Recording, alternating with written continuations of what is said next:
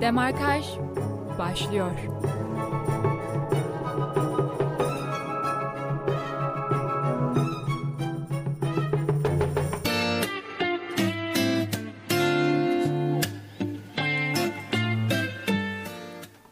...96.6 frekansından, radyobilkent.com'dan ve tabii ki Radyo Bilkent stüdyolarından herkese iyi günler dileyelim efendim.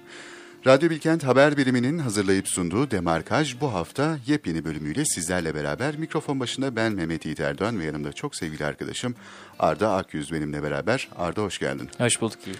Hoş buldum ben de.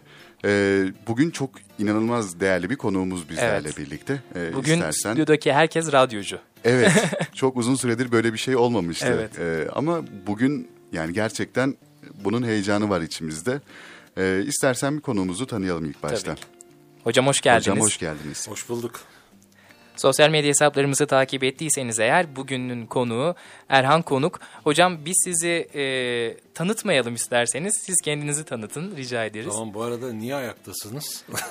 Biz böyle Yayına program- girdi zannederim az önce benim söylediğim. Girmiş olabilir önemli değil ama ben öyle burada otururken sizin ayakta olmanızdan şey oldum. E, rahatsız olmadım da hani huzursuz oldum diyeyim. Estağfurullah hocam. Hocam oturalım biz de tabii. Otur- oturun neden? Çünkü ama hanımefendilere öncelik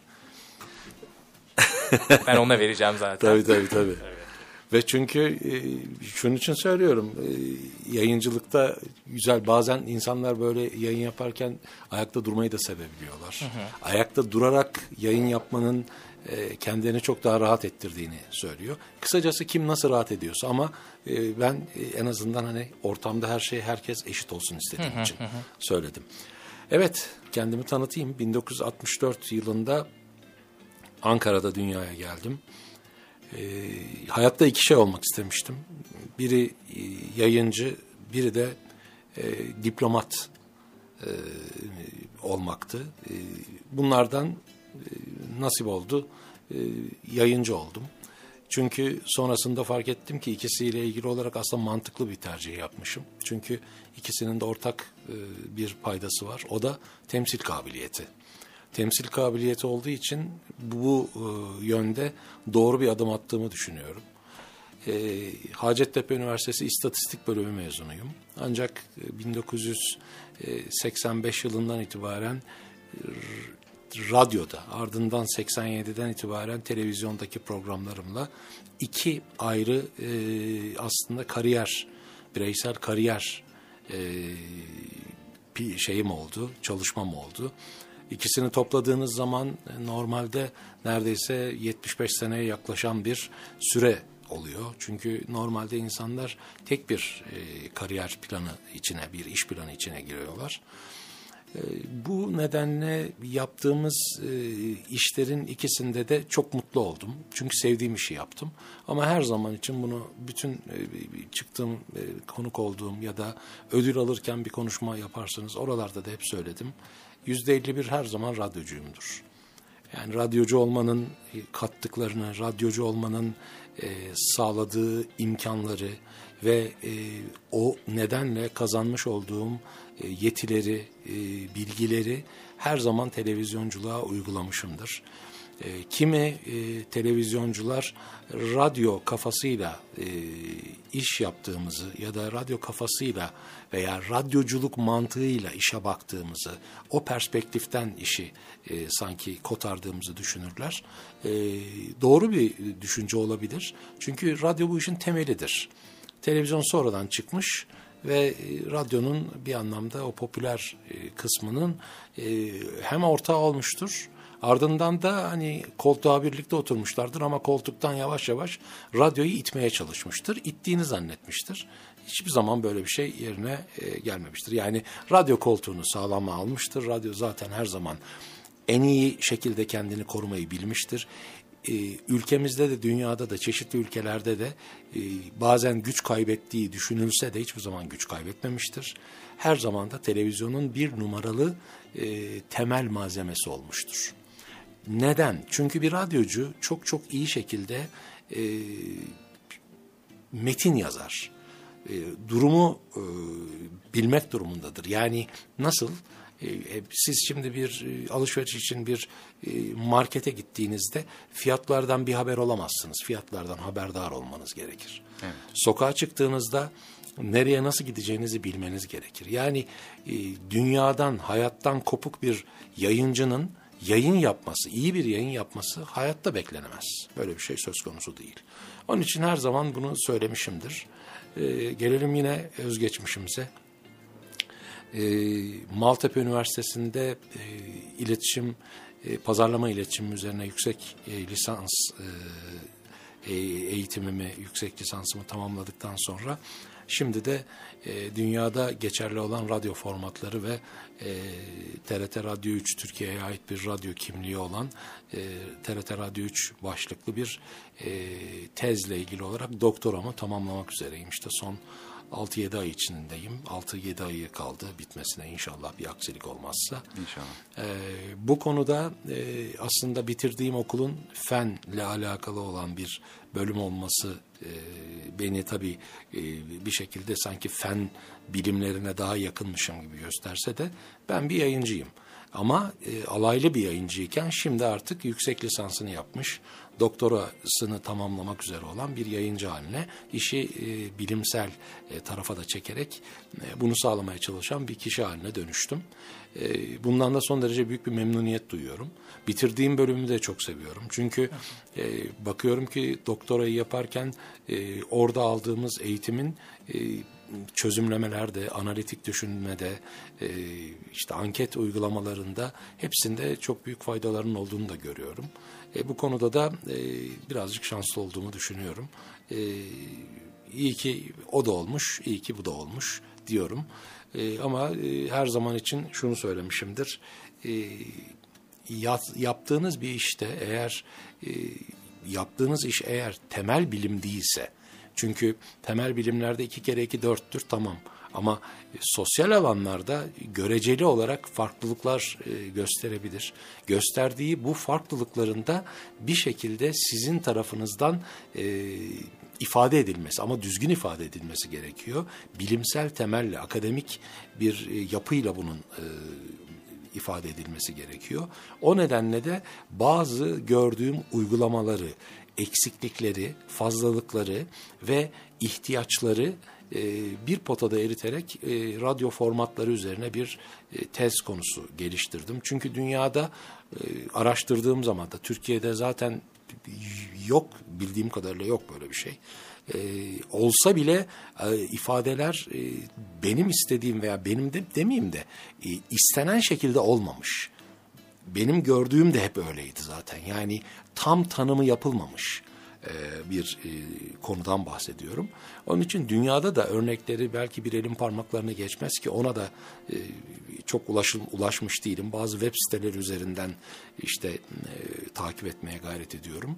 E, önemli bir eksiklik olduğunu düşünüyorum. Radyoda format, yayıncılıkta format kavramının. Onun için de buna el atarak buna bir e, ne diyeyim ön ayak olarak bunu yapmaya gayret ediyorum. Şu ana kadar radyoda 5000'in üzerinde 6000'e yakın e, program sayısı, televizyonda da 2500 civarında televizyon sayısıyla ve eş zamanlı olarak kesintisiz bu işi yapan e, radyo ve televizyonda herhalde Türkiye'de tek kişiyim. E, hala da e, şu anda herhalde sektörde en e, fazla süre almış hani basketbolda ve futbolda diyorlar ya Evet.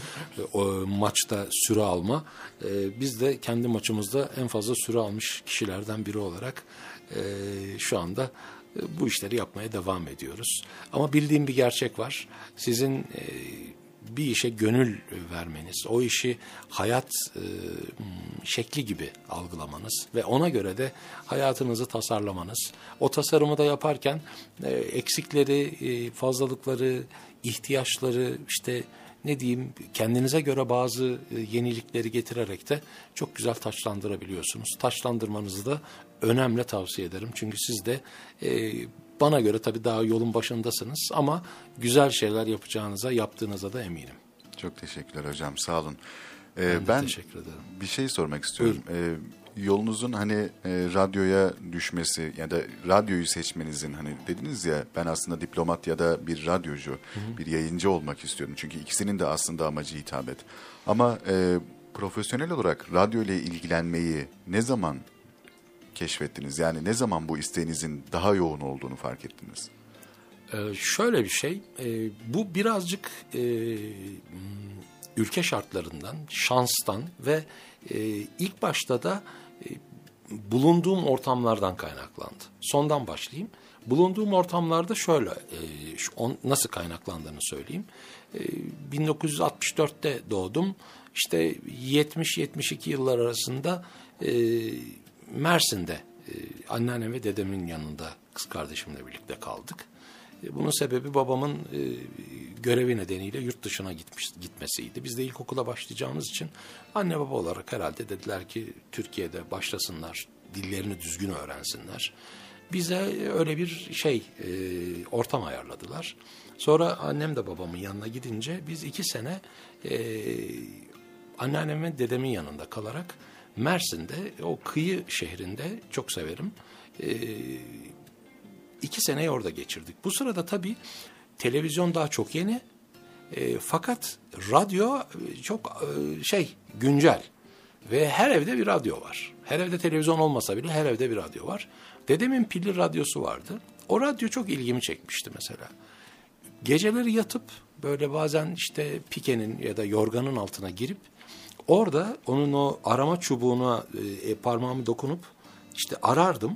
Çünkü Mersin deniz kenarı olduğu için Arap ülkelerine, Kuzey Afrika'ya, işte yani e, Kıbrıs'a, e, Girit Adası'na, işte Sicilya'ya, İtalya'ya o kadar uzun bir menzile ulaşabiliyordunuz ki çünkü deniz üzerinden yayın bir şekilde geliyordu. Özellikle yakın ülke ya da yakın coğrafyalardan o yayını duyabiliyordunuz. Çok hoşuma giderdi. Çok hoşuma giderdi. Yani çocuk e, şeyiyle, aklıyla. Sonra bunu ben iyice devam ettirdim.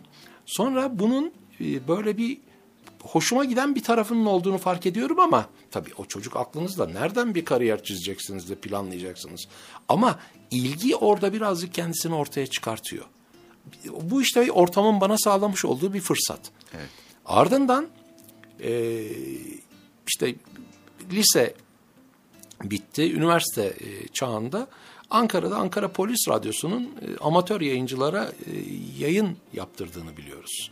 Her haftanın işte her günü 22.30-23.30 arasında eğer bir koltuk arşivi dediğimiz evinizde bir planınız, CD'niz, CD diyorum, kasetiniz varsa o zaman CD çok yeni bir teknolojiydi, yeni çıkmaya başlamıştı. E, bunlara sahip oluyorsanız e, o arşiv bilgisi üzerinden bunu gerçekleştirebiliyordunuz.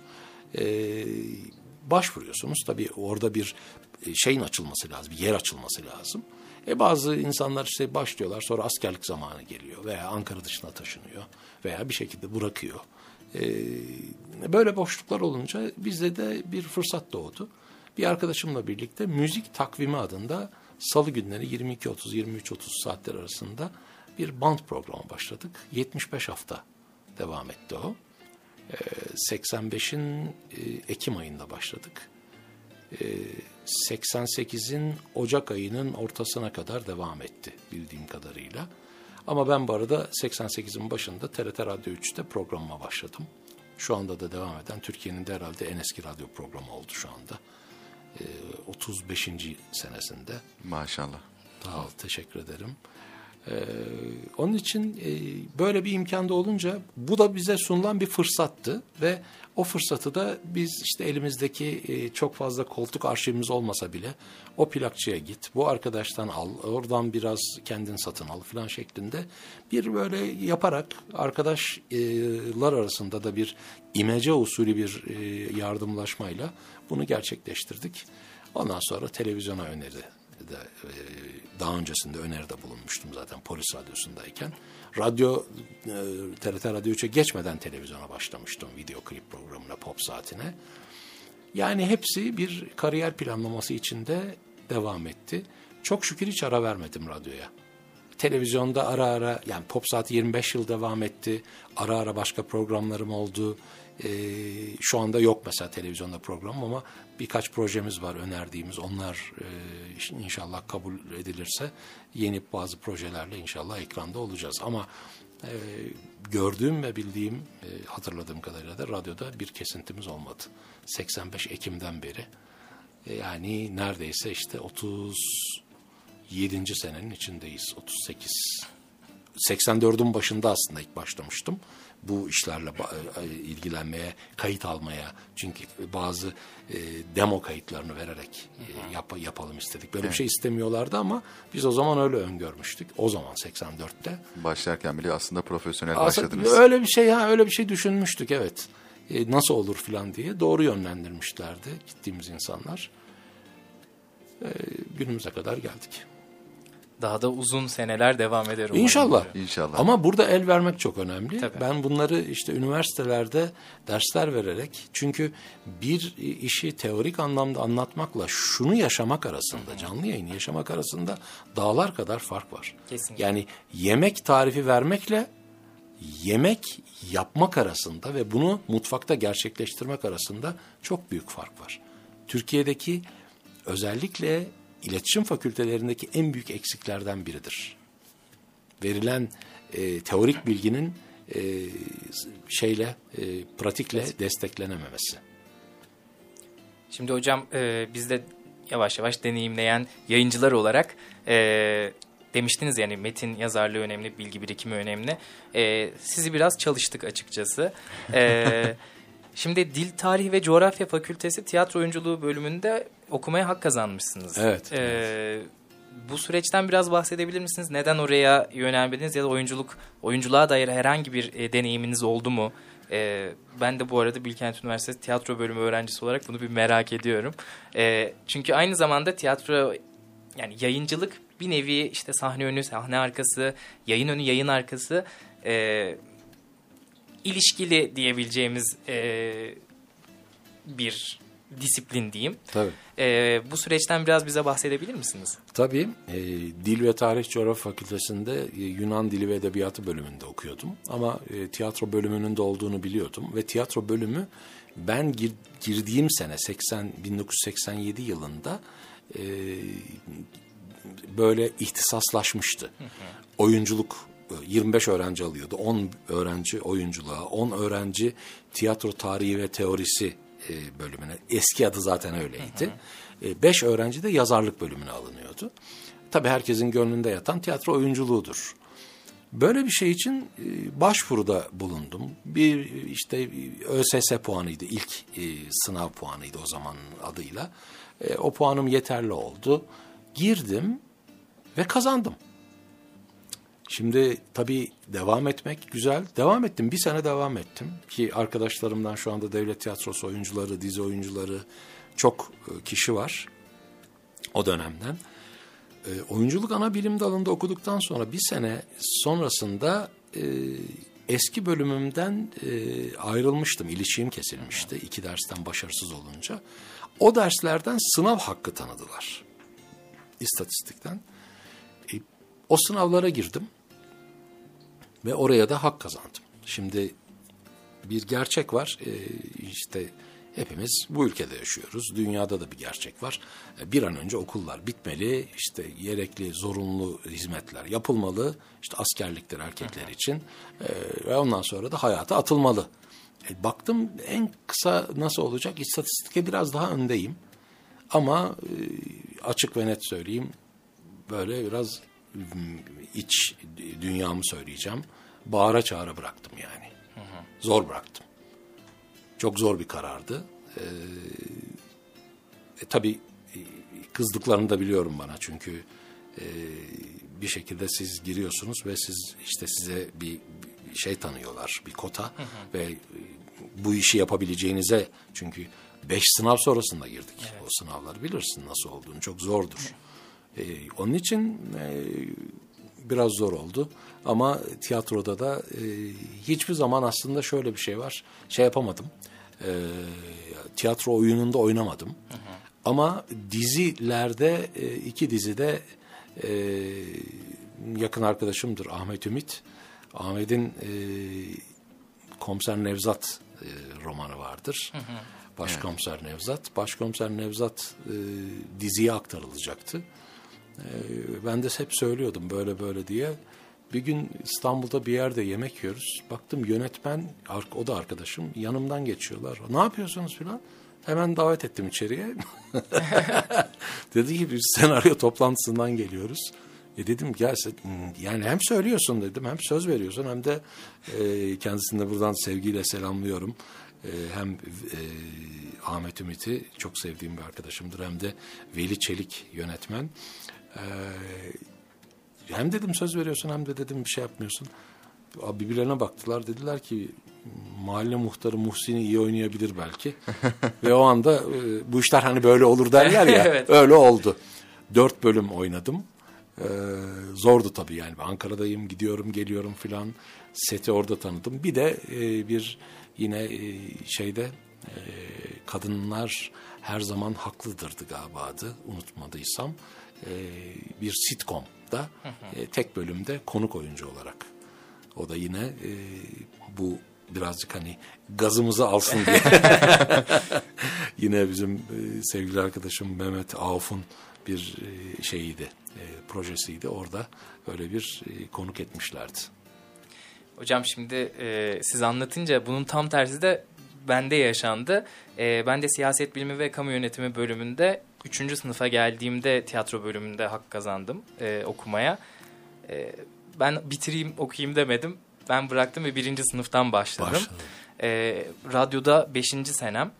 E, yayıncılıkla birlikte sahne önünü de görmek çok bambaşka bir şeymiş. Tabii, tabii. E, ve bambaşka bir deneyim aynı zamanda. E, bu nedenle biraz da e, şeyim yüksek yani enerjim yüksek. E, sizinle konuşurken de e, çok mutlu oldum yani evet. bunu belirtmek ne demek, isterim. Ne demek yani o enerji her zaman yüksek olmalı zaten. Evet. Şimdi yayın kariyeriniz üzerine e, geri dönmek istersek ailenizden ve çevrenizden e, bu süreçlere nasıl tepkiler geldi? Hep destekleyiciler miydi yoksa e, sen ne yapıyorsun e, kafasında olanlar da var mıydı?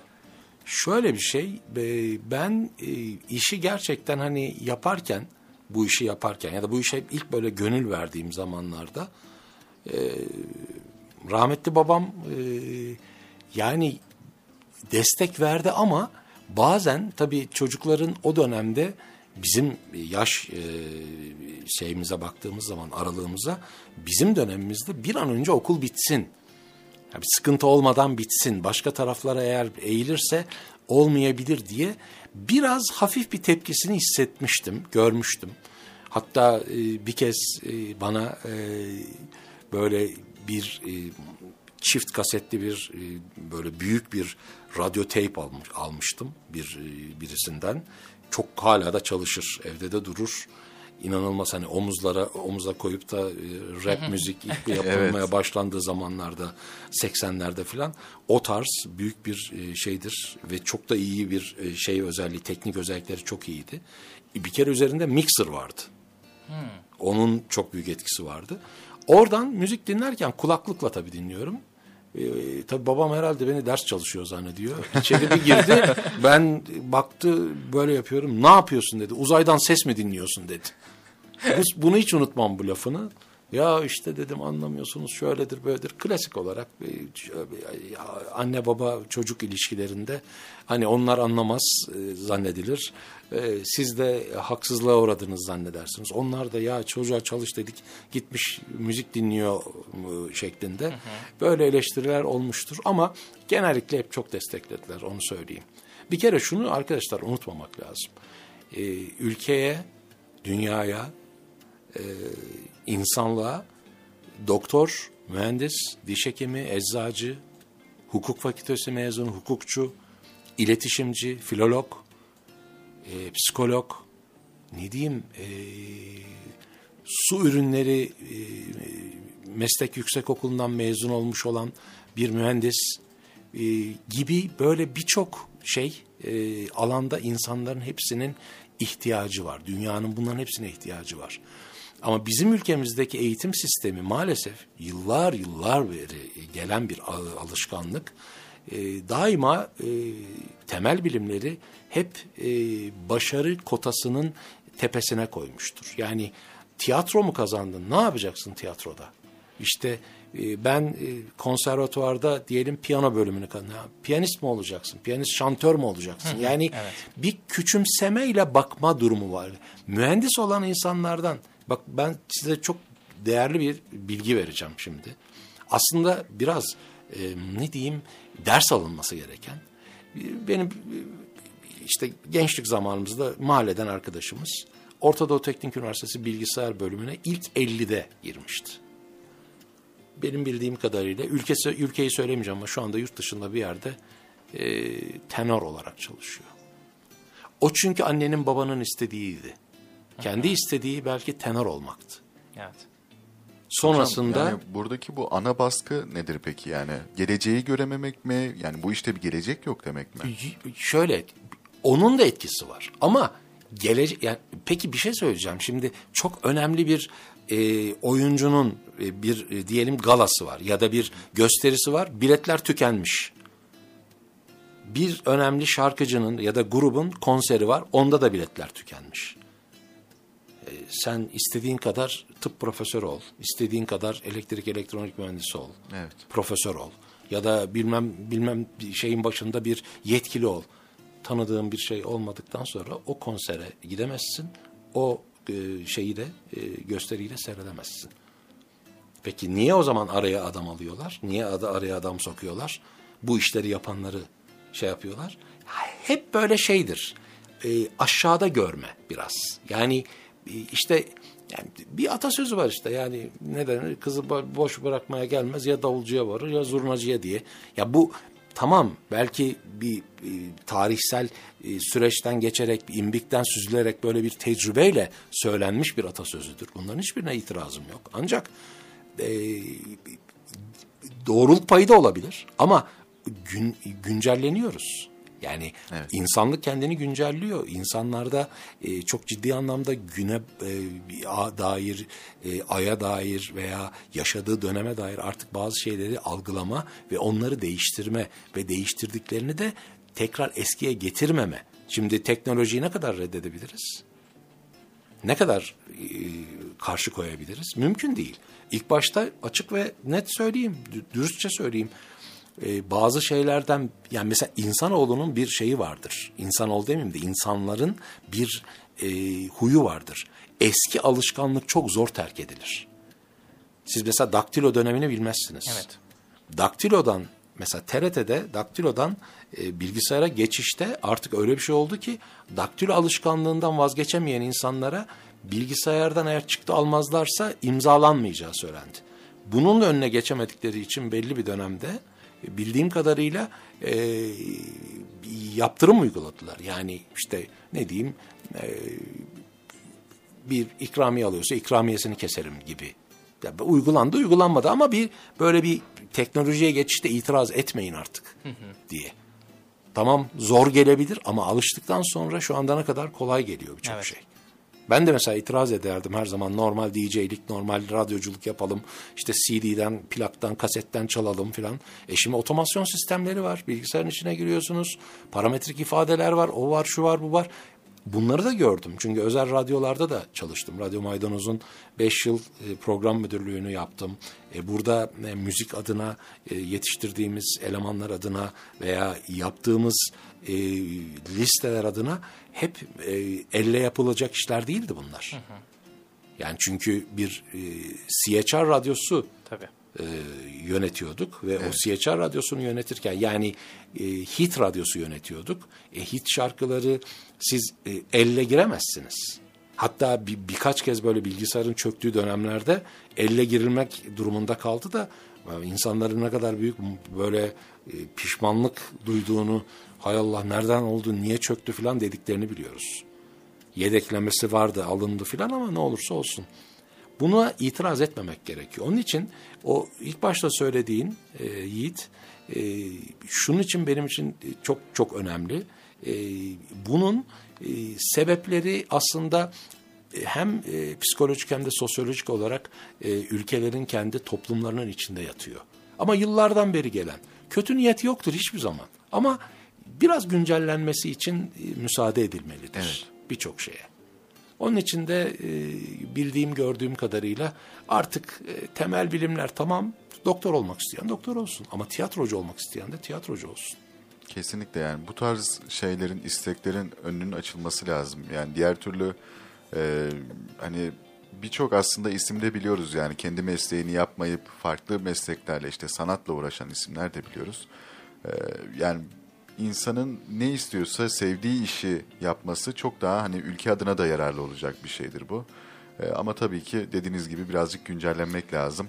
Evet. Bu bir de şöyle bir şey var. var. İşte mesela şimdi herkeste Türkiye'de bir, bir yanlış bir algılama var. Ne diyeyim? Bir dalda şarkı söyleyen birisi. Sanatçımızın işte gelişini bekliyoruz. Sanatçı diye yani böyle bir şey yok. Sanat çok zor yani zor yapılan işlerdir. Zanaat başka bir şeydir. Sanat başka bir şeydir. E, sanat ya, şarkıcı diyeceksin, müzisyen diyeceksin. Ne var bunda? Koca Paul McCartney, Beatles dünyada müziğin temel taşını oluşturmuş gruplardan biridir. Sorduklarında ben müzisyenim diyor. I'm a musician diyor. Bitti. Evet. Yani ne var? Ne ya öyle de sanatçı. Sanatçı olunca şey mi oluyor yani? e, böyle ne diyeyim hani yıl- yıldızlar mı üstüne düşüyor? E, cebine ekstra para mı giriyor? Banka hesabına bir anda bir para mı aktarıyorlar? Öyle zannediyor olabilir. Yok öyle bir şey yok arkadaşlar. Böyle bir şey yok. Yani ben bunun her zaman çok yanlış bir ifade olduğunu. Şarkıcı. Ne diyor? Performer diyor. Evet. Yani bir e, emek sarf ederek bir şeyi ortaya koyma. Ya çünkü performun karşılığı bu. Evet. Bu böyle. Mesela değerlendirmeyi bile beceremiyoruz. İşte derslerde anlatıyorum sen biliyorsun. Evet. Yani bazı şeylerde çok açlık mı çekiyoruz veya bu konularda o açlığımızı ama o açlığımızı çekerken güncellemeyi unutuyoruz. Ee, Dış dünyayla, dünyayla entegrasyonu, onunla bir, bir araya gelmeyi her zaman için çok çok fazla beceremiyoruz. Ya da becermek istemiyoruz bunu. Yani aklımızda yap, ben yaparsam kaybolurum. Bir kere dil öğrenmeyle ilgili bir sıkıntı yaşıyoruz mesela. Şimdi tabii yeni nesil çok çok e, yetenekli e, çocuklar. Hepiniz öylesiniz. E, Yeni sizlerden sonra gelecek nesiller de öyle. Ama temel olarak bir kez kabul edilen dünyaca belli bir bazı diller var. İngilizce başta bunu bileceksin. İkinci istersen İspanyolca öğren, ister Rusça öğren, ister Fransızca öğren, ister Japonca öğren, Korece öğren. Mesela Korece bilen bir avukatın Türkiye'de sizce eğer başında saç varsa benim yok da hani başını kaşıyacak zamanı olur mu sizce? Olmaz. Korece bilen bir avukatın bu kadar Kore markası varken. Ne kadar değerli şeyler bunlar. Yani Doğru. ben Yunan dilini kazandığımda aa, ne yapacaksın? Klasik Yunancayı. Ya tamam ya dil ya filoloji. Ne olursa olsun. Ne olursa olsun dil, filolog olacaksın. Bir konuda bir uzman olacaksın. Üstüne koyman, bir şeyler yapman sana kalmış. Doğru. Konuşsak daha çok var. O zaman biz kısa bir reklam arası ve ardından tekrar Demarkaş kaldığı yerden devam etsin. Kaldığımız yerden devam edelim. Bu arada hangi şarkıyla devam edeceğimizi de söyleyelim. Ee, sevgili Sayın Erhan Konuk e, bugün konuğumuz olduğu için onun programı olan Pop Saati'nin jenerik müziğiyle Ha, e, araya gitmek Boys, istedik. Left Evet. to my own devices. evet o halde Demarkaş kaldığı yerden devam edecek efendim.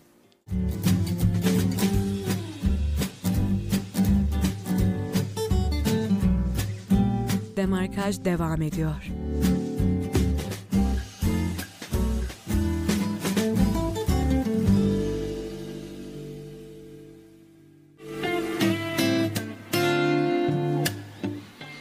Evet efendim kaldığımız yerden devam ediyoruz. Çok güzel bir sohbetle aslında yarıya gitmiştik. Ee, programımızın ikinci yarısına da bir noktada geçmiş olduk aslında. Çok uzun süredir de böyle uzun soluklu bir programda Evet. yapamamıştık. Gayet bizlere de Hasret iyi geldi. kalmışız. Hasret saat mi kalmıştık. konuştuk ya? bir saattir ha? Bize çok bir saat gibi gelmedi. Evet bizim için hiç öyle hissettirmedi. Gayet e, aslında aşina olduğumuz, bildiğimiz şeyleri konuşmak e, bir noktada da hem hoş hem de heyecanlı hissettirdi. sizden dinlemek daha doğrusu bizleri daha e tabii çok ki. e, heyecanlandırdı. Yayıncılık ve radyo üzerine biraz daha konuşalım o zaman. E, şimdi karşımızda sektöre yıllara ver, yıllarını vermiş birisi olarak oturuyorsunuz. Sizden öğreneceğimiz çok şey var hocam. Fazlasıyla. E, şimdi format kelimesini kullanmıştık. Bu formatı biraz daha açabilir miyiz? Yani e, formata ve formatın önemine röportajlarınızda da sık sık yer veriyorsunuz çünkü. E, format nedir? Bir radyo radyo programı mıdır? Yani radyoculuk için, hiç bilmeyen biri için format nedir hocam? Önce öyle onu sorayım. Şimdi dünyada iki tür radyo istasyonu vardır. İki tür radyo vardır. Bir müzik radyosu, bir konuşma radyosu. Bunların altına müzik radyolarının çeşitleri ve konuşma radyolarının çeşitleri girer. Yani müzik radyosu dediğin zaman caz da müziktir, blues da müziktir. İşte e, rock da müziktir, latin de müziktir, hip hop da müziktir. Bunların hepsi bunun altına girer. Konuşma dediğimiz zaman haberdir, iş dünyası ile ilgili haberlerdir, işle alakalı. Ee, dini radyolardır, eğitim kültür radyolarıdır.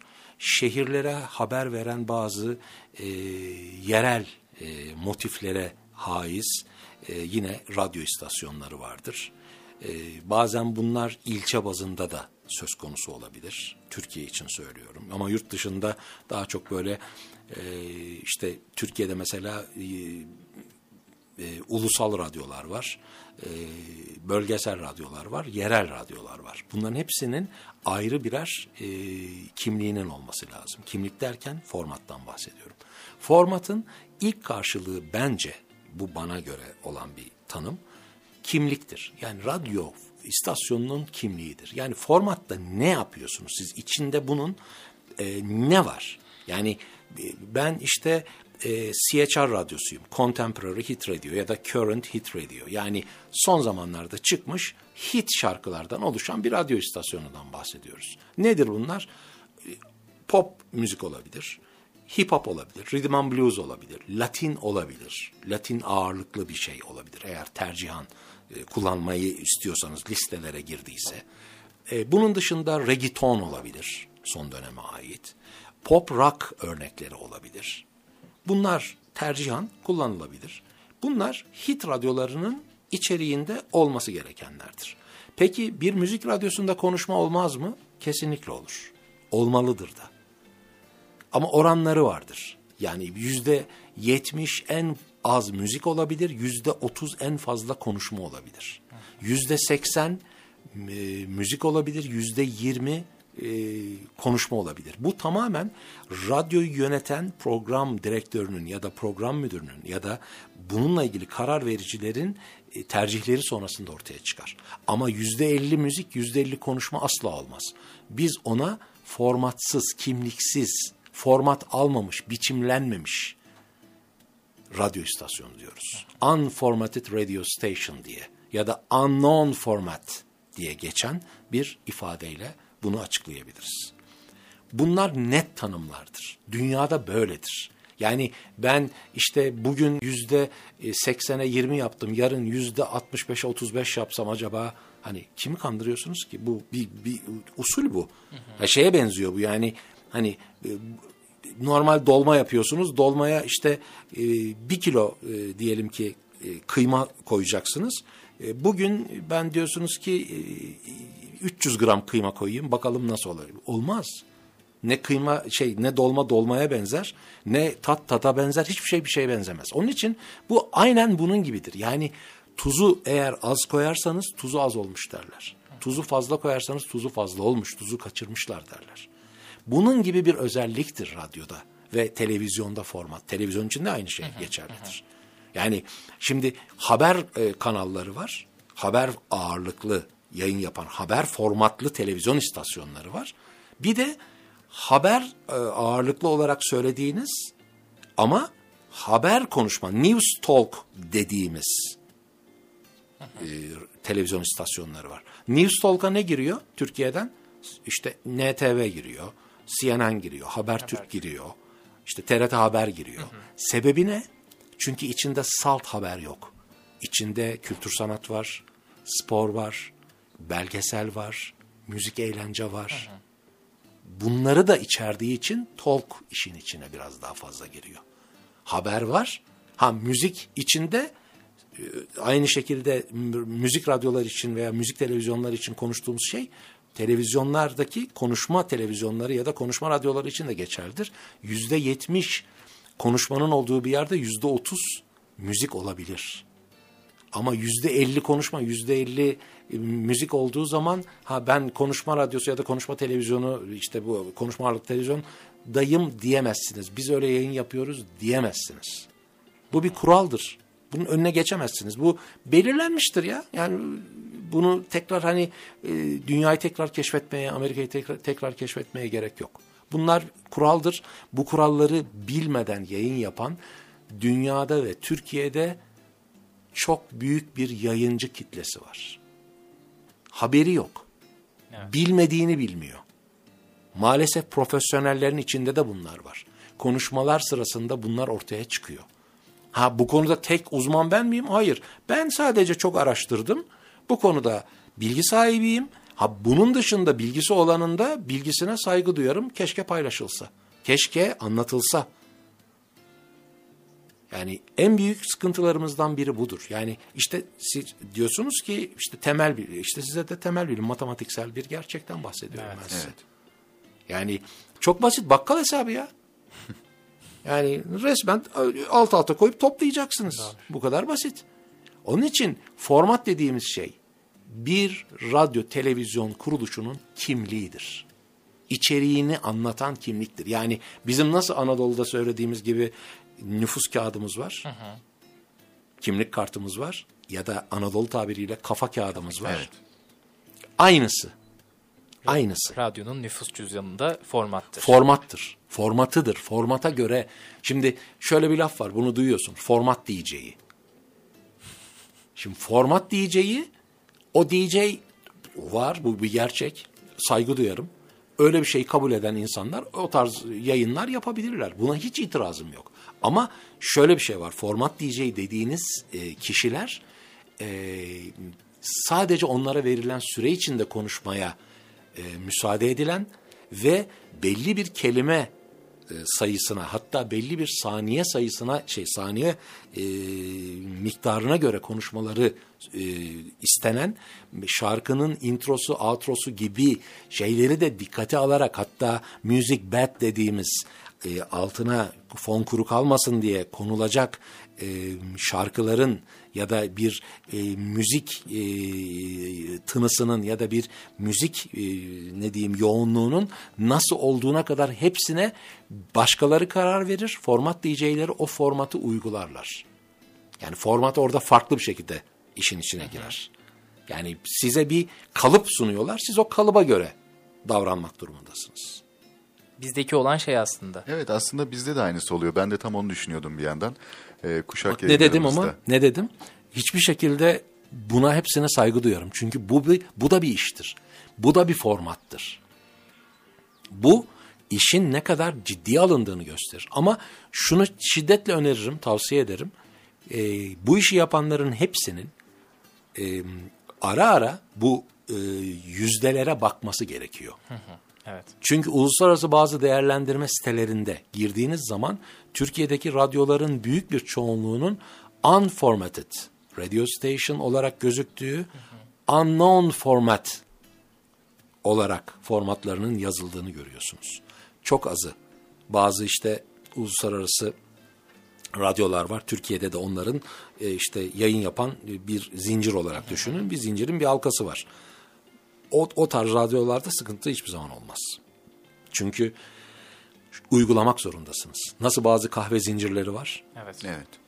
Yani Amerika'da da gitseniz, burada da gitseniz, ne diyeyim Fransa'da da gitseniz aynı kokuyu orada da duyarsınız. Üç aşağı beş yukarı ürünlerde de e, yöresel ya da ülkelere göre bazı ürün farklılıklar olsa bile yüzde bir iki oynar. Yüzde 98-99'la aynıdır. Duyduğunuz koku da aynıdır. Evet. Doğru. Yani e, ne diyeyim lavabonun yeri de aynıdır ya da lavabonun içi de aynıdır üç aşağı beş yukarı. Ona göre çünkü Belirli bir mobilyanın rengine kadar tabii. Çünkü bu bir şey, franchise dediğimiz hani bir zincir, zincirin bir halkası oluyor. Hocam e, aslında radyoların e, kimlik kartlarından bahsettik yani formatlarından bahsettik. E, Türkiye'de de radyoculuğun ve radyonun gelişimi aslında yani bayağı uzun süredir devam ediyor ve siz de bu işin içinde bu değişime en yakından tanık olan isimlerden bir tanesiniz. E, yani bu değişimle beraber hani e, sizin mesela özlediğiniz bir şey var mı ya da geç kaldık dediğiniz bir şey var mı? Türkiye'de bu noktada e, radyoculukta, yayıncılıkta eksik olan şey ne? E, neyi daha iyi yapabiliriz? Ya da şöyle bir soru daha yöneltebilirim. E, bu konuda verilen eğitim sizce yeterli mi? Şimdi üniversitelerin eğitimleriyle ilgili müfredat programlarına baktığımız zaman bence son derece yeterli. Ha eksiklikler olabilir. Ben yani şu anda onu değerlendirecek kadar e, üst düzey bir eğitmen değilim. Ama gördüğüm kadarıyla e, en büyük problemi daha önce de konuşmalarım konuşmanın başında da e, açılmıştı konu. E, pratik eksikliği. Evet. Pratik eksikliğini gidermediğiniz sürece insanları yani düşünebiliyor musunuz? Tıp fakültesinden bir öğrenci mezun oluyor, hastaneyi hiç görmemiş. Evet. Böyle söyleyince çok daha Evet olacak iş Hiç, değil. hiç görmemiş. Hastane hastane soruyorsunuz. Hiç gitmedik biz diyor mesela. Sadece bilgileri aldık. Tıp eğitimini öyle almışız. Böyle bir şey söz konusu değil. Onun için yayıncılıkta da gideceksiniz. Yani bir görünen e, yüzü vardır. Bir de görünmeyen yüzü vardır. Misal şu anda yayın gitti. Ben şöyle bir şey söyleyeyim. Herhalde bir iki saat kadar konuşabilirim burada. İki saatin sonunda da birine devredebilirim ya da biraz daha zorlayabilirim kendimi. Belki daha da fazla performansımı bilemiyorum. Sebep ne biliyor musunuz? Yayın gittiği anda siz asıl orada yani şeye benziyor bu. Ee, ülkenin birinde sormuşlar Milli Eğitim Bakanı'na. Bizde değil başka bir ülkede. Yani onu öyle söyleyeyim de çünkü sonrası cevap hakkı olmasın. Evet, evet. Yani hakikaten bu ama yıllardan beri duyduğumuz bir örnektir. Demişler ki e, Sayın Bakan nasıl durum e, ülkenizde e, eğitim durumu nasıl? Okullar olmasa çok güzel demiş. Şimdi anlatabiliyor muyum? Yani okullar var. Burada da bu sıkıntılar var. Evet. Yani yayıncılıkta da bu sıkıntılar var. Keşke bu sıkıntıları biri çözse. Keşke bu sıkıntılara birisi bir merhem olabilse, bir ilaç bulabilse.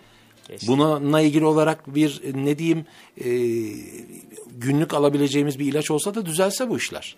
Ama yok. Bunun için ne yapılmalı? Çok açık söylüyorum. Saha deneyimine sahip olan, saha deneyimine sahip olan teorik değil, pratik bilgiye de, bak sadece teorik değil, pratik bilgiye de sahip olan kişilerin sayısının üniversitelerde artması gerekiyor. İster kabul edilsin, ister kabul edilmesin. Dünya maalesef böyle. Önümüzdeki yıllar içinde dünyada tahmin edilen yeni ortaya çıkacak meslek sayısını biliyor musunuz? 1 milyon 250 bin adet. Çok fazla. Bakın 1 milyon 250 bin adet. 12.500 demiyorum. Evet. 1250 de demiyorum. 125 bin de demiyorum. 1 milyon 250 bin adet diyorum. Neden? Çünkü eskiden bir, bir şey vardı mesela. Şimdi ne diyeyim? Ne diyeyim? Eskiden çevre mühendisliği vardı. Şimdi çevre, işte çevre ve ne o söyleyemedim. Lojistik, yok Pesay. başka cephe. Yani inanılmaz şeyler işin içine giriyor. Artık kavramlar değişiyor. İnternetin, teknolojinin geldiği boyut itibariyle gelişme hiçbir zaman durmuyor. Şimdi Metaverse diye bir şey çıkmaya ba- baş- başladı. Çıktı daha doğrusu. Bununla ilgili başka şeyler, e, kavramlar, bunları söylemeye... Yani arkadaşlar iş çok büyüyor. Burada güncelleme, insanların ve toplumların kendisini güncellemesi gerekiyor. Üniversitelerin, çeşitli kuruluşların yani çünkü siz hala eğer e, yani şimdi eskiden bizim dönemimizde biz ÖSYM'ye mesela başvururken üniversite sınavına girerken optik form doldururduk. Şu anda yazılı bir form söz konusu değil. Teknolojinin geldiği boyut itibariyle. Birçok yere tamamen çevrim içi olarak başvurabiliyorsunuz. Belgelerinizi ıslak imzayı bile size e, farklı şekilde imzayı attırabiliyorlar. Elektronik imza diye bir şey çıktı. Evet. Yani şunu demeye çalışıyorum. Güncellenmeli ama mutlaka bazı e, sektör sıkıntılarını e, ya da endüstriye dönüştüyse o iş, endüstri sıkıntılarını göz ardı etmeden, onları dikkate alarak, onları da e, işin içine katarak çözüm önerilerinde bulunmak. Her zaman e, kaçındığım şey vardır. Hiç akıl vermeyi ya da akıl almayı istemem ve sevmem. Öneride bulunulmasını, öneride bulunmayı, tavsiyede bulunulmasını, tavsiyede bulunmayı severim. Siz çünkü kimseye akıl verebilecek haddi değilsiniz. Haddinizi aşarsınız. Ama haddinizi aşmadan bu işi yapmak istiyorsanız, haddinizi bilerek bir şey yapmak istiyorsanız öneri ve tavsiyede bulunursunuz. İsterse karşınızdaki kişinin bir senelik, bir aylık, bir günlük tecrübesi olmasın. Karşıdaki kişi kişidir. O işe gönül verdiyse, yapmak istiyorsa mutlaka fırsat verilmelidir. O fırsatında bu tip yerlerde şimdi şu ortamı görmeseniz, bu ortamı yaşamasak. Mesela diyelim bunu yaparken buradaki önümdeki su devrildi. Ve bilgisayarınızın içine girdi. Bu bir tecrübe. Evet. Anlayacaksınız ki bir daha bunun olduğu yeri farklı bir yere koyacağız. O zaman bir sehpa bulacağız burada. Bunun gibi. Yani bu şeye benziyor. Yani sobaya değdin elin yandı. Aa demek ki sobaya değilmeyecek. Evet. Ya bu ilkellikle olacak bir şey değil bu. Bunlar zaten akılla mantıkla yapılabilecek şeyler. Tecrübe etmek lazım. Kesinlikle. Kesinlikle. Onun için en önemli şey e, geliyor ve takılıyor mesleki anlamda yeterlilik ve mesleki anlamdaki o yeterliğin e, karşılığı olarak da e, üniversitelerde verilen özellikle bu tarz e, yayıncılıkla ilgili aslında her alanda öyle. Yani lojistikle ilgili mühendislik okuyan bir öğrencinin bir lojistik firmasında staj yapmaması o çocuğa çok büyük bir şeydir. E, olumsuz yansıyacak bir şeydir. E, durum yaratır. Evet.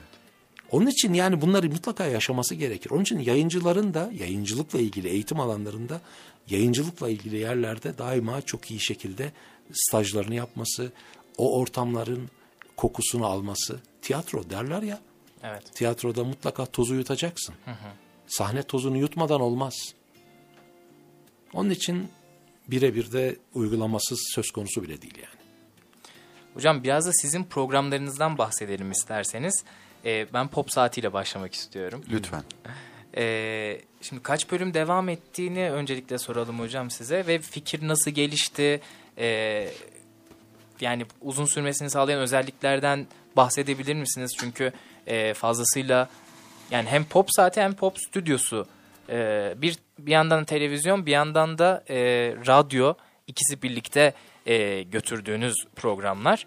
E, öncelikle pop saatinden başlayalım. Daha sonra pop stüdyosuna da değineceğiz tabii ki. Şimdi Pop Saati 1987 yılında başlayan bir program. Ee, Türkiye'de o zaman televizyonun tek kanallı olması, tek kanallı olmasının e, dışında çünkü ben başladığımda TRT 2 deneme yayını yapıyordu. Ee, TRT 1'de başladık. Yani daha doğrusu TV 1'de başladık. Ondan sonra e, aylık periyotla yayınlanan bir programdı. Sonra programlarımın sayısı yaklaşık bir sene içinde haftada ikiye çıktı. E, demek ki bir ihtiyaç varmış.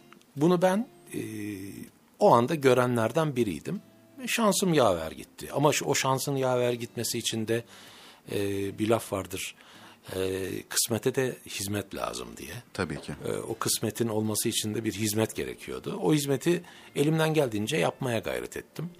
E, onun için e, bunun ortaya çıkması çok uzun süreli e, bir e, planlamanın ve aslında e, ne diyeyim tatlı bir ısrarın sonucudur.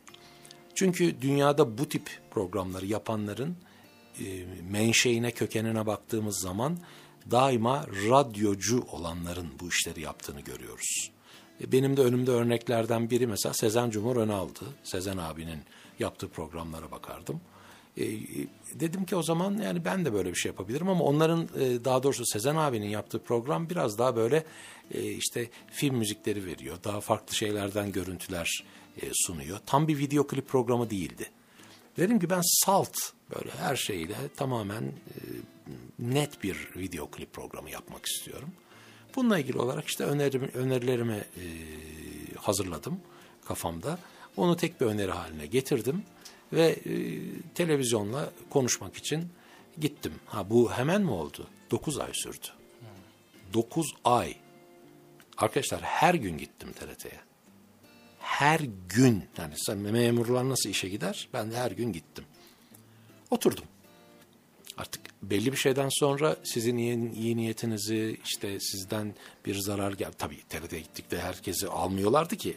Evet. İçeride tanıdıklarımız vardı.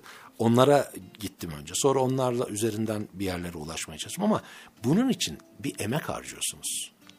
Dünyadaki en büyük haksızlıklardan biri nedir biliyor musunuz? Harcanan emeğin boşa çıkarılmasıdır. Ve onun değersiz kılınmaya çalışılmasıdır. Değersiz olmaz. Kimse de değersiz onu kılamaz. Ama buna gayret etmek, buna çaba göstermek mesela bence çok büyük bir e, ne diyeyim vicdani sorundur. Yani onun için e, hizmete, bu yaptığımız hizmete, emeğe saygı gösterilmesidir. Sağ olsunlar, hakikaten o dönem insanlar e, çok ciddi anlamda destek verdiler. E, ben de ama hiçbir zaman böyle çizgi dışı garip bir şey yapmadım. Hiçbir zaman bir değişik e, tavır ve tutum içine girmedim. E, elimden ne geliyorsa, e, kurallar neyi e, gerektiriyorsa ona göre bir e, hal çaresi bulmaya çalışarak devamlı e, insanlarla işte bir arada e, ne yapabilirizin e, şeyindeydim, e, peşindeydim. Sonrasında e, 9 ayın sonunda dediler ki şey oldu, e, bir yere gitmem gerekti. Tabii o zaman cep telefonu falan yok. E, dedi ki seni arıyoruz neredesin ben kuruma gittiğimde. Ne oldu dediler ki bir program koyduk senin için. Ayda bir periyotla cumartesi geceleri yayınlanacak. Başlayış o başlayış. Öyle bir başladı sonra da zaten önünüzü alamadılar. Şöyle bir şey tabii e, bunun e, genel olarak baktığımız zaman e, 850 civarında bölüm olduğunu söyleyebilirim. 25 e, senelik süreç içinde e, kimi zaman haftada bir yayınlandı, kimi zaman 15'te bir yayınlandı. Ama program kesintisiz yayınlandı. 25 e, yıl boyunca son 13 bölümünü programın son 13 bölümünde bir muhasebe yapalım istedik. O muhasebede şöyle oldu. Dedik ki bu işi e, biz birçok insana e, sunduk. Bu insanları e, çeşitli alanlardan konuk edelim de onlar ne düşünüyorlar? Bunu birazcık da. Gerçi ben başka programlarla bunun biraz sınamasını yapmıştım ama pop saatinde olsun dedik. Birçok kişiyi 13 bölümde canlı olarak konuk ettik. Konuk ettikten sonra da 2013 yılının başında, ocağın hemen başıydı. Programın son bölümünü gerçekleştirdik. Ama ben bu arada e, pop saati varken de işte radyodaki Stüdyo Tempo diye benim konuklu bir programım vardı TRT FM'de. Onun televizyon için konuk profili o kadar yüksekti ki televizyondan onu e, bize de yapar mısın dediler. Bir yaz projesi olarak 13 bölüm yaptık ama e, içindeki konuklar yine aslında radyo programı olarak televizyonculara biraz parmak ısırtan e, cinstendi. E, ne diyeyim işte iki NBA oyuncumuz o zaman en yüksekte olan Mehmet Okur, Hidayet evet. Türkoğlu, Amerika'dan e, yine Doktor Mehmet Öz, e, ne diyeyim e, işte Fahir Atakoğlu, e, birçok insanı konuk ettik yani programın içinde. E, rahmetli Ayten Altman e, ve e, yine farklı farklı gazetecilerden, müzik, müzik insanlarından Ahmet Ümit'i konuk ettim yine e, arkadaşım, e, polisiye romanlar yazarı. Hepsinin bir şekilde o başarı öyküsünü orada da almaya çalıştık. Hı hı. Çünkü Stüdyo Tempo'nun en büyük e, şeyi, amacı insanların başarı öykülerini anlatmaları adına stüdyoya konuk etmek ve onların o anlattıklarını da e, dinleyicilerle paylaşmaktı. Televizyon ayağını da bir 13 bölüm olarak gerçekleştirmiş olduk. Stüdyo Tempo programında mesela şimdiye kadar geçtiğimiz sene e, o da e, sona erdi. Ara verdik diyorum ben ona. E, bin konuğun üzerinde e, isimle bir araya geldim. Cem Yılmaz'dan e, Ferzan Özpete'ye, Emre Belözoğlu'ndan işte ne diyeyim e, Hidayet'le Amerika'da yaptım röportajı. Ömer Faruk Tekbilek, Mehmet Öz, Arif Mardin, Ahmet Ertegün gibi müzik dünyasından e, efsane isimleri. Türkiye'den Mazhar Fuat Özkan, Cem Yılmaz gibi yani her alandan e, isimlerin e, katılabildiği e, ve katıldığı. E, Ergin Ataman, sevgili Ergin mesela Ergin'le o zaman Bolonya'yı çalıştırıyordu. Orada gidip röportaj yapmıştım. Radyo için ama bunlar bakın. Bunların hepsinin e, şeyi çok fazladır. E, Ferzan'la orada e, yine İtalya'daki evinde röportaj yaptım. E, bunların hepsinde arkadaşlar bu bir emek.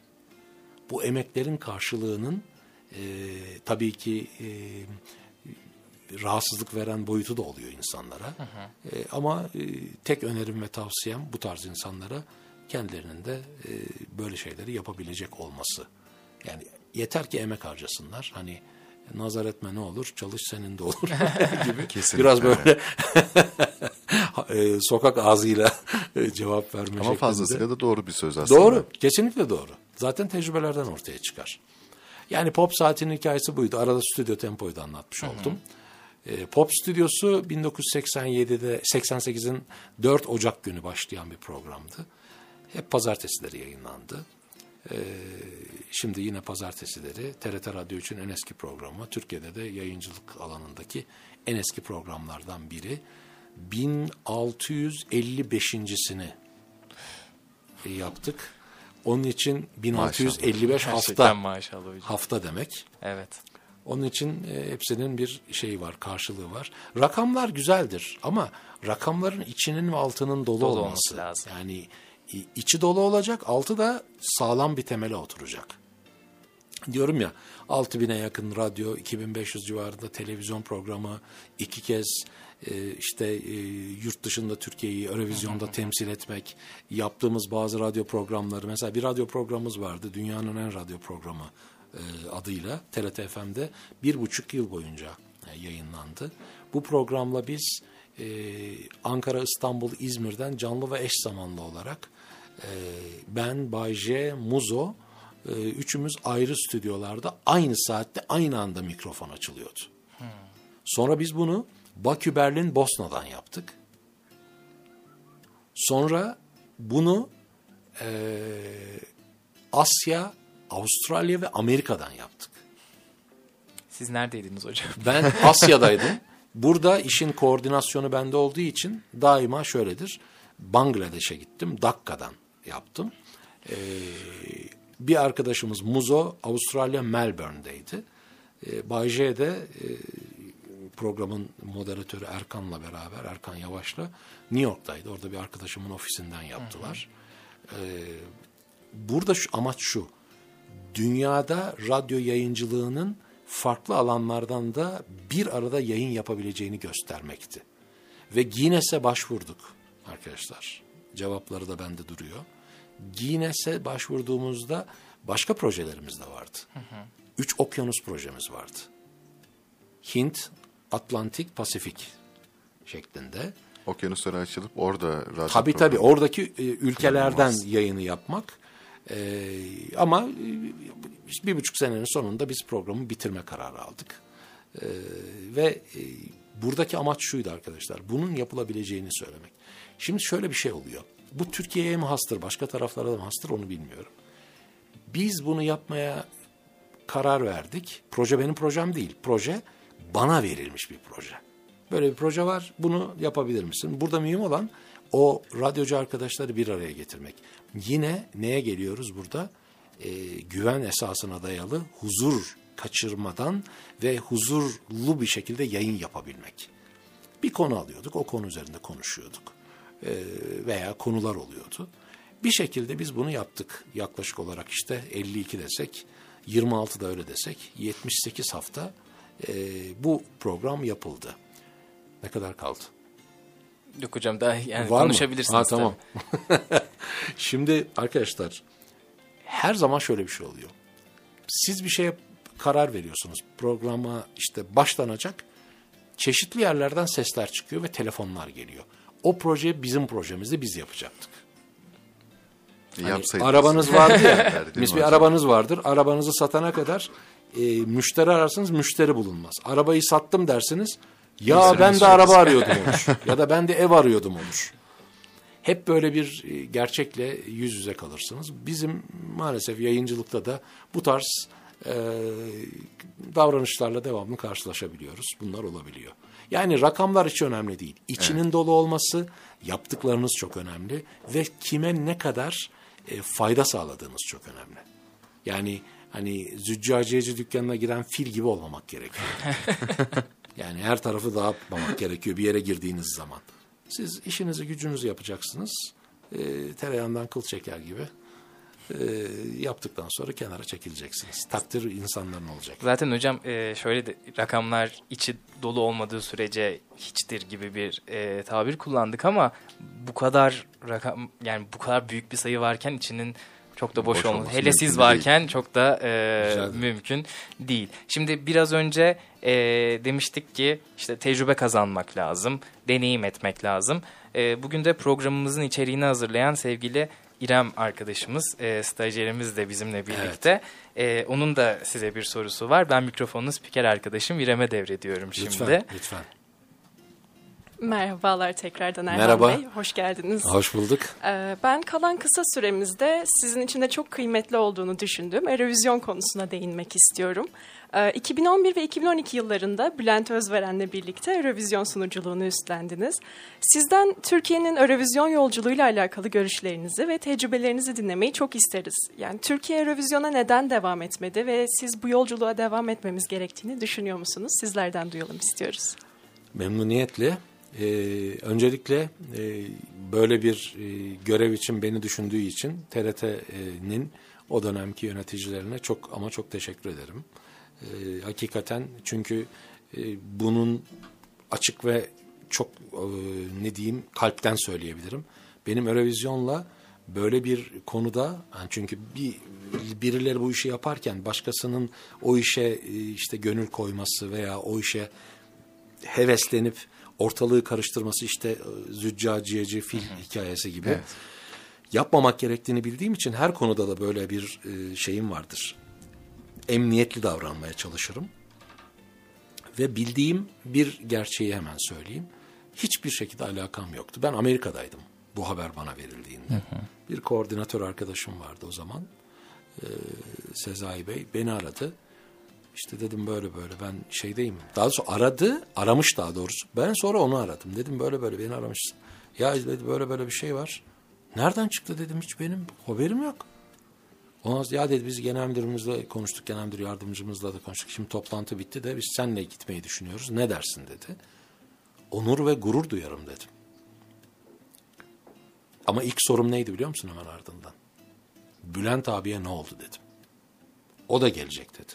Tamam dedim. Bakın ne yaparsanız yapın. Ha tamam bir öyle bir şey yaptınız. Diyelim ki hani diyorum ya ben böyle bir şey hiçbir zaman istemedim yapmadım yapmam da. Ama siz diyelim kendinize ait bir şey oluşturdunuz orada ve tek başınıza gittiniz. Eurovision öyle bir matematiği ve kurgusu olan bir yapı ki sizi yok eder. Evet. İngilizce bilmeniz, müzik bilginiz, hiçbir şey.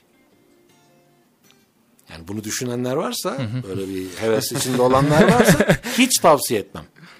Çünkü onun başka matematiği var. Bu nedir biliyor musunuz?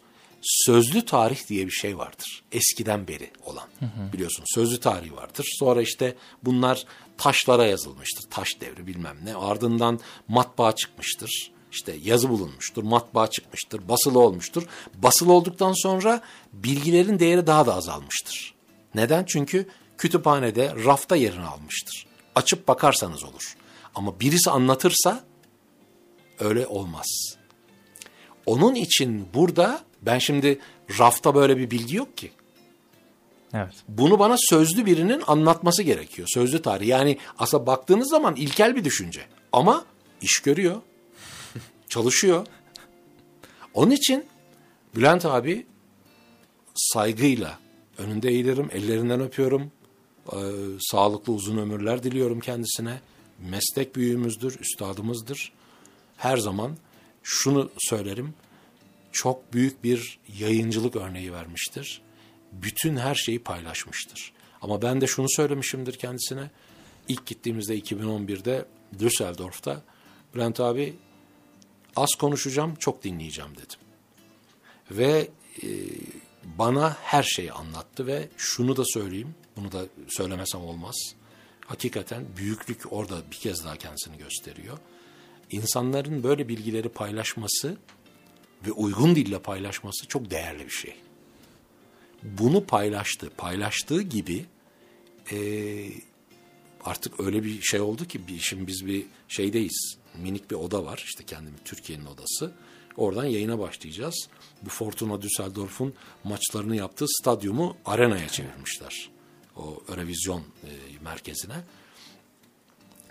E, Almanya'da yapılmasına rağmen bazı teknik problemler ki teknolojiyle, elektronikle işte e, hep adı anılan çok üst seviyede olduğu düşünülen Almanya'da korkunç e, ciddi sıkıntılar yaşadık teknolojik anlamda, yayın anlamında. Bunlardan bir tanesi de e, şeydi, e, yayının kesilmesi, yayının gitmemesi, sesimizin bizim önümüzdeki e, işte basıp da kırmızıyı gördüğümüz zaman e, yayında on air Evet. basıyorsunuz, konuşuyorsunuz. Bir daha basıyorsunuz, bitiyor. Ama basılı halde on air gözüktüğü halde siz anons ediyorsunuz, anonsunuz çıkmıyor. Bunların hepsi birer sıkıntı olarak yansıdı. Sırf bize değil. Yani yarı finalde e, işte 25 ülke varsa 25 ülkenin 10'unda problem vardı. Çünkü ben teknik e, alana gittiğimde bir baktım her ülkenin e, şeyinden e, commentatorlar bizim gibi yorumcular gelmişler oraya e, bir şeyler bir sıkıntı var onun ne olduğunu söylüyorlar.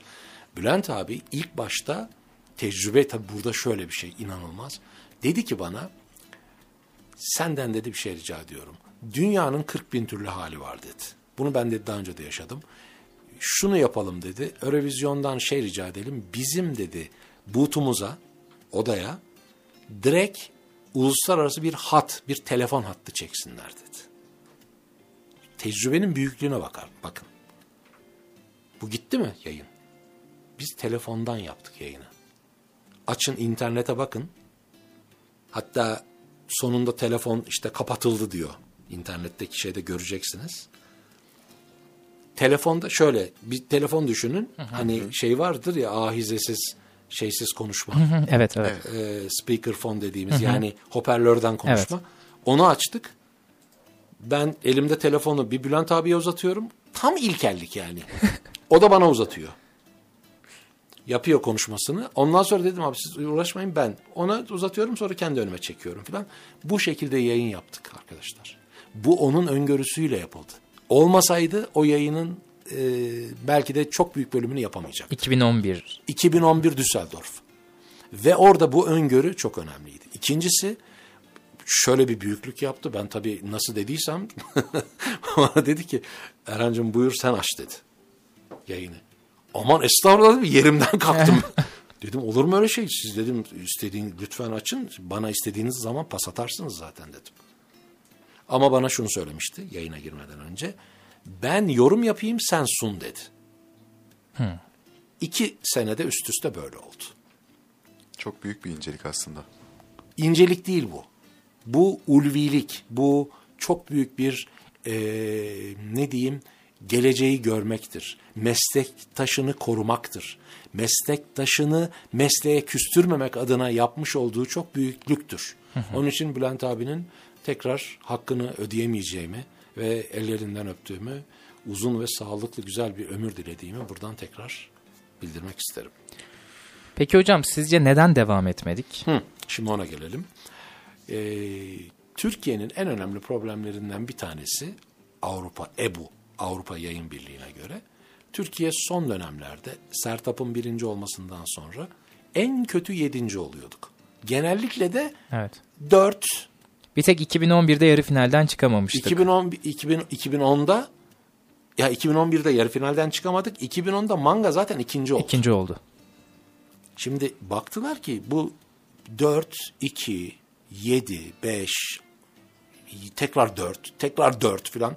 Yani Türkiye hiç böyle 7'nin ötesine gitmiyor. Gitmiyor. Bunun sebebine eskiden ihtisas jürileriyle halk jürilerinin ortak ilk başta ihtisas jürileriydi. Ardından halk jürisini işin içine katıp ihtisas jürileriyle o e, harmanlama yapıldı. O harmanlamanın ardından dediler ki tamamen telefonla halk oylamasıyla yapılsın. Halk oylamalarının çoğunluğunda tabii Türkler çok ciddi organize oluyorlar dünyanın her bir yerinde ve siz o verilen e, telefona yüklenirseniz e, bir Fransız belki o kadar ilgilenmiyor bu işle. Ama Türkler Fransa'dan da 10, 12, Almanya'dan zaten 12, Belçika'dan 12, Avusturya'dan 12 birçok yerden bunu yaptılar. Hatta bazı oyalamadığımız yerlerden bile oy aldığımızı hatırlıyorum ben. Evet. Ee, onun için bu tarz şeylerin önüne geçmek için bunu tekrar değiştirdiler. Buna da o zamanki TRT yönetimi haklı olarak, bakın haklı olarak itiraz etti. Çünkü önümüzü kesmek istiyorlar. Bu çok centilmence, çok e, ne diyeyim haklıca yapılan ha, bir e, uygulama değil. Burada Türkiye'nin önünün kesilmesi söz konusuydu. Ha kesmeye gayret ettiler.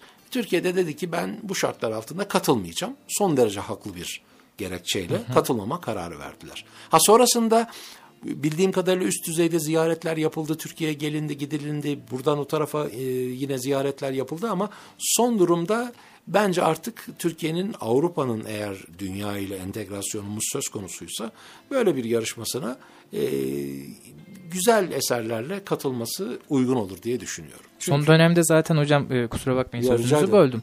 E, tekrar bir oylama sistemi tekrar değişti zaten. E, ve evet. bu tüm ülkelerden alındıktan sonra bir de halk oylamasının e, puanları ekleniyor ve ya, tamamen bambaşka bir sisteme dönüştü. Puan sisteminde de puanların da şeyi e, ne diyeyim e, önemi. Yo yo e, seviyesi, seviyesi yükseldi. Yani %90-200 puanla birinci olurken şimdi 800 puanlara, evet. 700 puanlara çıkıyor. Evet. O da hacimli hale geldi. Onun için budur ama Türkiye böyle bir yarışmada. Çünkü en azından e, ülkece e, belli bir dönem buna e, angaja oluyorduk. Buna tabii. bir bir şekilde insanlar e, merak ediyor, Hatta bu zamanlar. Ediyor. Tabii tabii. Evet tam bu zamanlar. E, şimdi mesela katılsaydık bu sene. Bu sene 10. senemiz katılmayalı. Evet. 11. 2012 sene. son. Evet, Siz 2012. bitirdiniz evet, hatta. En son 2011-2012 işte ikimiz Bülent abiyle oradaydık. Ee, ve bu çok e, hakikaten değerli bir şeydir. Burada tabii e, mesela e, Azerbaycan'ın bu konularda özellikle dost ve kardeş ülke Azerbaycan'ın e, çok önemli e, bu konuda girişimleri vardı. Hı hı. E, bence çok iyi çalışmışlardı e, derslerini evet. ve o çalışmaların neticesinde çok iyi bir tanıtım programıyla. Bunun en önemli şeyi tanıtımdır. Tanıtımsız söz konusu değildir. Yani ben bütün arkadaşlarımıza, ekiplere e, elimden geldiğince bazı şeyleri söylemeye çalışırken bazı e, Eurovision gerçeklerini unutmadan bazı tecrübelerin de e, paylaşılması gerekiyor. Hep şunu söylemiştim mesela e, uçakta uyuyacaksınız diye bir şey söyledim. Bana bütün ekip baktı böyle sanatçı işte şarkıcı onun ekibi falan hepsi menajer falan. Ne demek dedi. Dedim yani şöyle o kadar güzel turlar yapacaksınız ki size sağlanan imkanlarla. Bir kere Türkiye'nin 12 puan 10 puan aldığı ülkelere gitmeyeceksiniz. Yani siz Almanya'da işiniz yok dedim. Puan alamadığınız siz, ülkelere. Portekiz'e gideceksiniz. Siz İtalya'ya gideceksiniz. İspanya'ya gideceksiniz bu tip ülkelere giderek bunu yapacaksınız. Ve bir basın kitiniz olacak. Hı hı. Gittik orada bin kişiye konser verdik. E, o bin kişi e, yakın yani çok fazla çevresi yoksa kimseye anlatmaz. Çevresi olsa da anlatsa da bir şey e, yaramaz.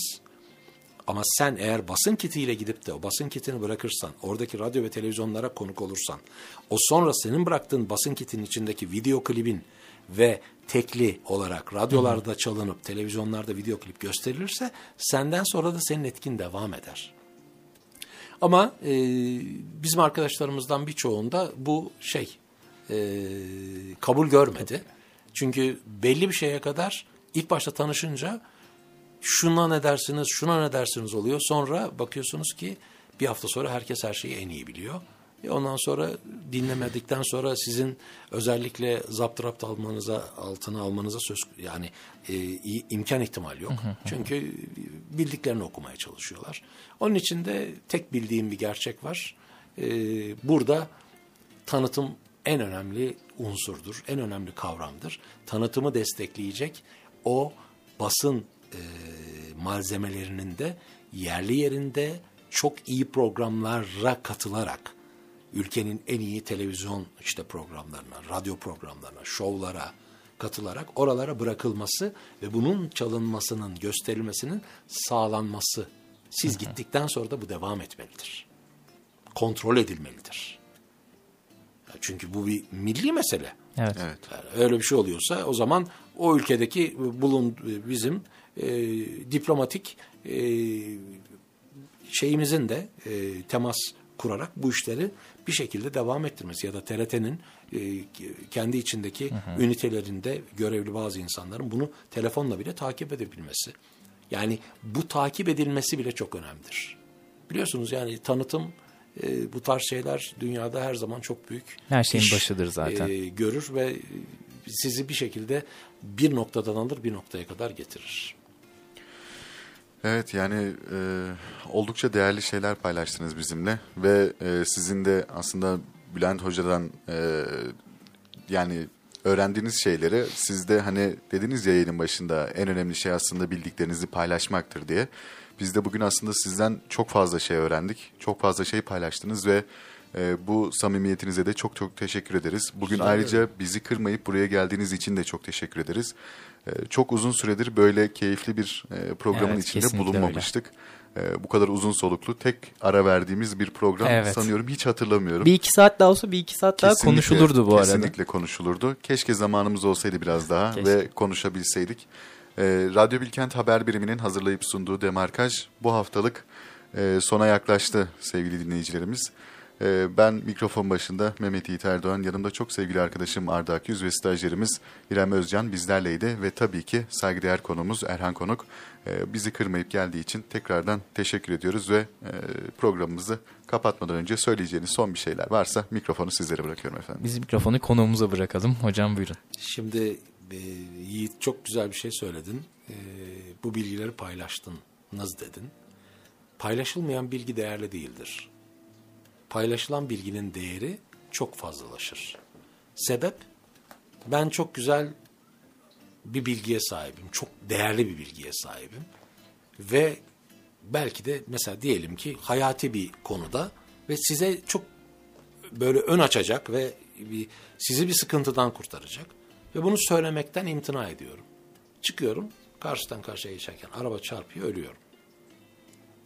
Kime yaradı? O bilgi de sizle beraber gitmiş oldu. Kime yaradı? Hiç kimseye, Hiç kimseye. yaramadı. Bunu çözmemiz gerekiyor. Yani bunu insanlığın çözmesi gerekiyor. Dünyanın en büyük bence e, şeylerinden, sıkıntılarından biri bu. Ve iletişim konusunda çok çok iyi olmamız gerekiyor. Türkiye'de maalesef e, yani iki tür iletişim vardır. Açık iletişim, kapalı iletişim. Açık iletişim dileğini, isteğini senin üzerinden İrem'e, İrem'in üzerinden e, bir başkasına aktarmak değildir. Sana söyleyeceğimi sana, İrem'e söyleyeceğimi İrem'e söylemeliyim. Evet. Bu açık iletişimdir. Gözlüğün e, güzel olmuş ama biraz daha incesi daha iyi olurdu. İçinde hem eleştiri var hem öneri var. Evet. Ya şuna söyle de şu gözlüğünü bir değiştirsin. Yaşlı şeylere benzemiş falan gibi böyle bir hem eleştiri hem böyle dedikodu.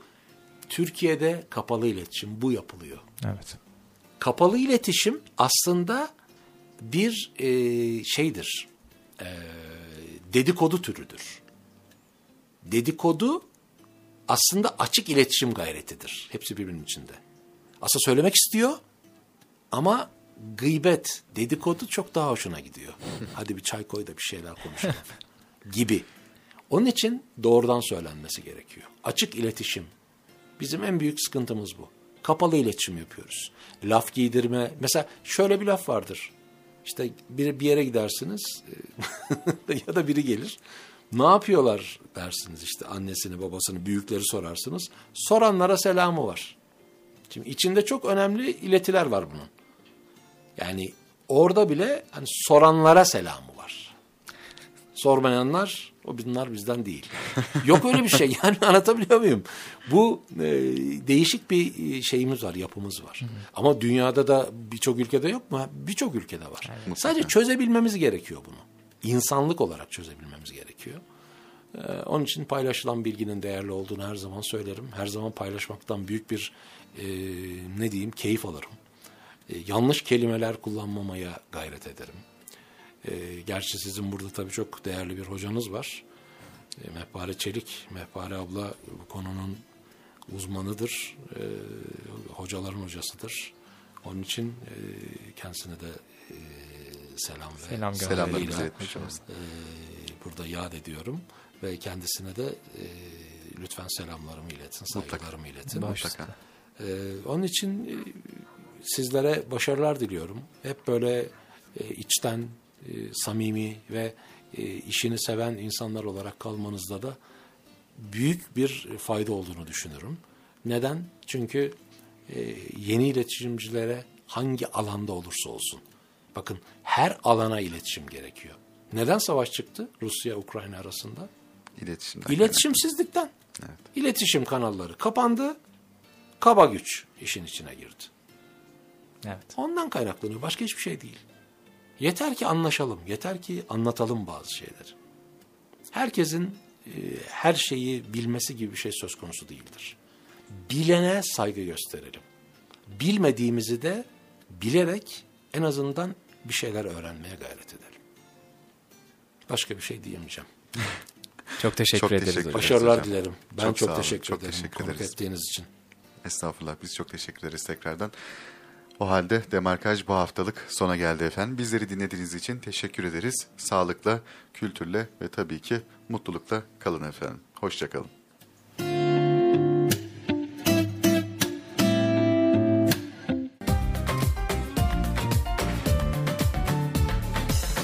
Demarkaj sona erdi.